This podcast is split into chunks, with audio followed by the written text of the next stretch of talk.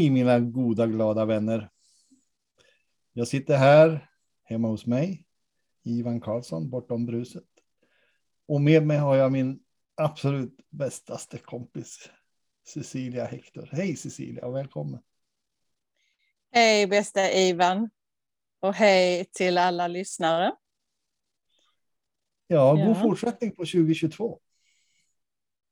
Hoppas det har börjat lite bättre än vad det har gjort för mig. Jag har varit lite magsjuk.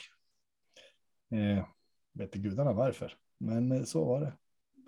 Några timmar i, eh, vad heter det, hopkrupet läge. Mycket ont. Det är över nu som ni ser. Jag kan le eh, och inte hulkar jag heller. Eh, 2022. Det här är vårt fjärde episod. Eh, och min tanke är att eh, vi ska försöka förklara vad vi menar, jag och Cecilia, då, med bortom bruset. Vad betyder det för mig? Och vad betyder det för dig, Cecilia? Jag kan börja. Eh, en tanke som, som slår mig det är att vi fungerar egentligen som både radiomottagare och radiosändare. Eh, och gammalt tillbaka, den här radion som stod i ett hörn, stor möbel. Som kanske till och med hade en skivspelare inbyggd i sig bakom en lucka. Jag kommer ihåg när jag var barn, det var det roligaste att kunna öppna den där luckan och ta fram en stenkaka. Men när man skulle lyssna på radion så var det den här knappen som man skulle vrida för att få in stationen. Och när man var på sidan om stationen så brusade det. Och när man hamnade mitt på rätt frekvens så blev ljudet hur klart som helst. Och när ljudet är hur klart som helst, det vill jag då likna med att då är vi i balans med oss själva. Det är inte för mycket verksamhet där uppe mellan öronen. Eh, vi är i balans, vi är i klarhet. Eh, vi försöker inte manipulera och kontrollera våra tankar allt för mycket. Vi har inte den där bad hair day, ni vet mössan. Bad hair day. Eh, den har vi kastat av oss. Och livet är egentligen ganska bra. Det är bortom bruset. När vi är i vårt sanna jag. Eh, Eh, man kan också likna det vid när vi är i det här låga tillståndet. Ingenting är bra, det är bara vårt fel, jag duger inte och så vidare och så vidare. Det är som en dag med svarta moln. Åskan är nära. Eh, men bakom de här svarta molnen så finns det alltid en klarblå himmel. Och den klarblå himlen, det är du, ditt sanna jag. Den finns alltid där. Så det jag har liksom insett är att, in, att sluta vara rädd för de där svarta molnen. Jag kan inte kontrollera dem hur jag än vill.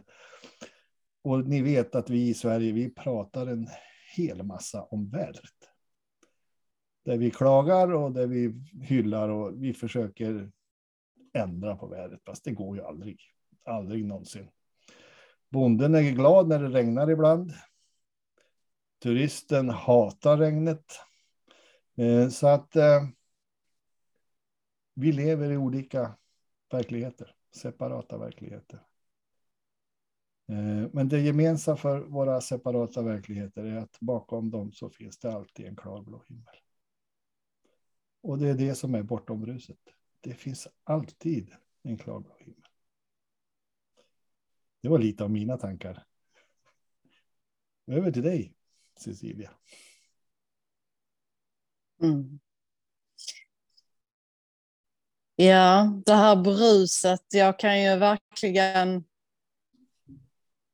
säga ute påverkar mig väldigt mycket eh, inåt och jag har liksom inte under livet kunnat direkt se eh, skillnaden på det som brusar och det som är jag. Den här eh, konstanta eh, platsen i oss som alltid följt oss genom livet. Jag har på något sätt eh, inte kunnat separera, separera det från varandra ordentligt utan när jag har mått dåligt så har jag lätt halkat in i, i det här bruset och, och hissen har gått ner och jag har liksom haft behov av att eh, vara där och älta det och gärna få med mig andra som har kunnat eh, eh liksom, eh, vara där tillsammans med mig och, och lyssna på det och älta det. Och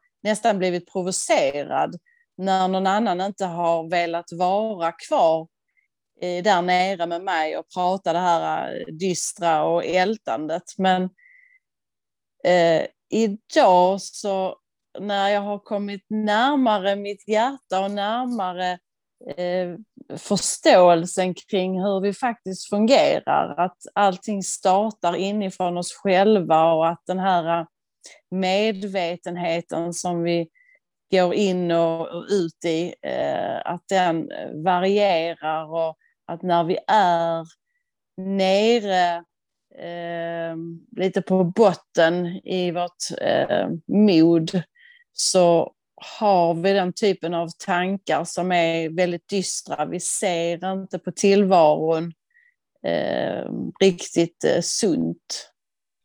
Och eh, för mig så har det eh, blivit så mycket lättare att veta om att vi ska inte vara där med andra eller tillsammans. Vi ska, vi ska eh, när någon är i det låga modet så är det bättre att bara eh, låta dem få ha de känslorna eh, och, och, finnas där, liksom en hand eller en kram eller bara stöttande ord. Eh, men inte gå in i det jobbiga. Eh, för på något sätt så visar ju Eh, smärtan visar ju oss vägen när vi eh, börjar att fastna i våra orostankar och då känner vi att det blir smärtsamt på olika sätt i kroppen. Ja. och jag, mm för tillfället så eh, har jag eh, en förkylning och har startat eh, det nya året på det viset med att jag mår lite dåligt. Och, eh, och, eh, och jag vet om att eh, även om jag har eh, även om jag inte mår bra just nu eh, rent fysiskt så är det ändå så att min kropp talar om för mig att jag ska vila, Eh, för bortom det här surret så har jag ändå, eh, ju mer jag lyssnar inåt, desto mera får jag ändå tillgång till när min kropp säger till mig att nu behöver du eh, lägga dig i soffan och vila lite och bara ta det lugnt. Mm. Och det är ju någonstans där som vi behöver börja lyssna på vad vår kropp säger och inte vad vi själva vill. För vi, vi vill ju en massa, eller hur Ivan? Ja, det vill vi. Egot vill en massa. Och det är precis det du säger om att lyssna på kroppen som vi har genom livet fått lära oss att nej, kroppen, vadå, lyssna på den. Nej, det är intellektet som gäller. Hjärnan, mm. det, det är en smarthet som vi tror vi har. Um, och det egentligen så är kroppen en av de viktigaste delar vi har i vår sammanlagda mänsklighet. Ehm, det är varningslampan i, på, på instrumentbrädan. Kroppen talar om för oss när vi ska stanna. Ehm, därför att det är risk för överhettning. Eller det är lite olja. Eller eh, en vindrutetorkare är trasig. Eller en lampa är trasig. Eller eh, och det har vi glömt att lyssna på, vad kroppen vill tala om för oss. Eh, den är en perfekt vägvisare. Eh, och den dagen vi, vi inser att det faktiskt är så, kommer livet att vara helt annorlunda. Vi kommer inte att ta livet så, på så stort allvar. Det är någon som har sagt att livet är alldeles för viktigt för att tas på för stort allvar. Så eh, ett tips från coachen. Eh, se till att skratta så mycket som möjligt innan klockan är tolv på dagen. Då blir det mm. bra. Mm. om vi då ja. ska... Ja. Fortsätt, ja. Nej, jag tänker på hur vi ska komma in lite på våra ungdomar och, eh, mm. och med deras mod. Så, eh, och just när vi mår dåligt på något sätt, eh, både fysiskt och, och psykiskt och överhuvudtaget, när vi känner att, att det är jobbigt. Det är just samma sak där, att vi kanske inte ska vi har pratat om det du och jag Ivan, att vi, man inte behöver kanske eh, gå in i eh, deras eh, dysterhet eller det här som är jobbigt eh, på det sättet eh, och, och, trösta på det sättet utan att eh, försöka och vara kvar i någon sorts balans själv och visa någon sorts ja, eh, ljus, lugn. Eh, mm. För det är så lätt att vi halkar in i eh, att vi vill trösta och, och, och, börja prata kring eh, deras mående när de känner att de är väldigt långt nere i, eh, i liksom, eh, om, vi, om vi kallar det för en hiss, så kan vi säga att de är nere på, på lägsta våningen och, och vi försöker liksom att prata med dem Eh, där nere i, i, hur de känner och tänker och har det. Och att eh, det jag har sett i alla fall för egen del och eh, som du också har pratat om Ivan är att det är inte speciellt hjälpsamt faktiskt att eh, vi blir lärda så eh, att vi ska att vi ska prata väldigt mycket om, om allt vi känner när vi, när vi mår dåligt. Men min erfarenhet eh, genom livet har, har faktiskt sagt någonting helt annat, faktiskt sagt motsatsen. Att eh, det inte är hjälpsamt. Ja, jag kan hålla med där. Eh, jag har under tre år varit volontär på självmordslinjen. Eh, och när de här samtalen kommer där, där den stödsökande mer eller mindre tokgråter Ehm, de kan upplevas, eller jag upplevde dem från början som väldigt, väldigt jobbiga. Och då var det min tanke om det hela. Eh, så småningom så har jag eh, lärt mig the hard way.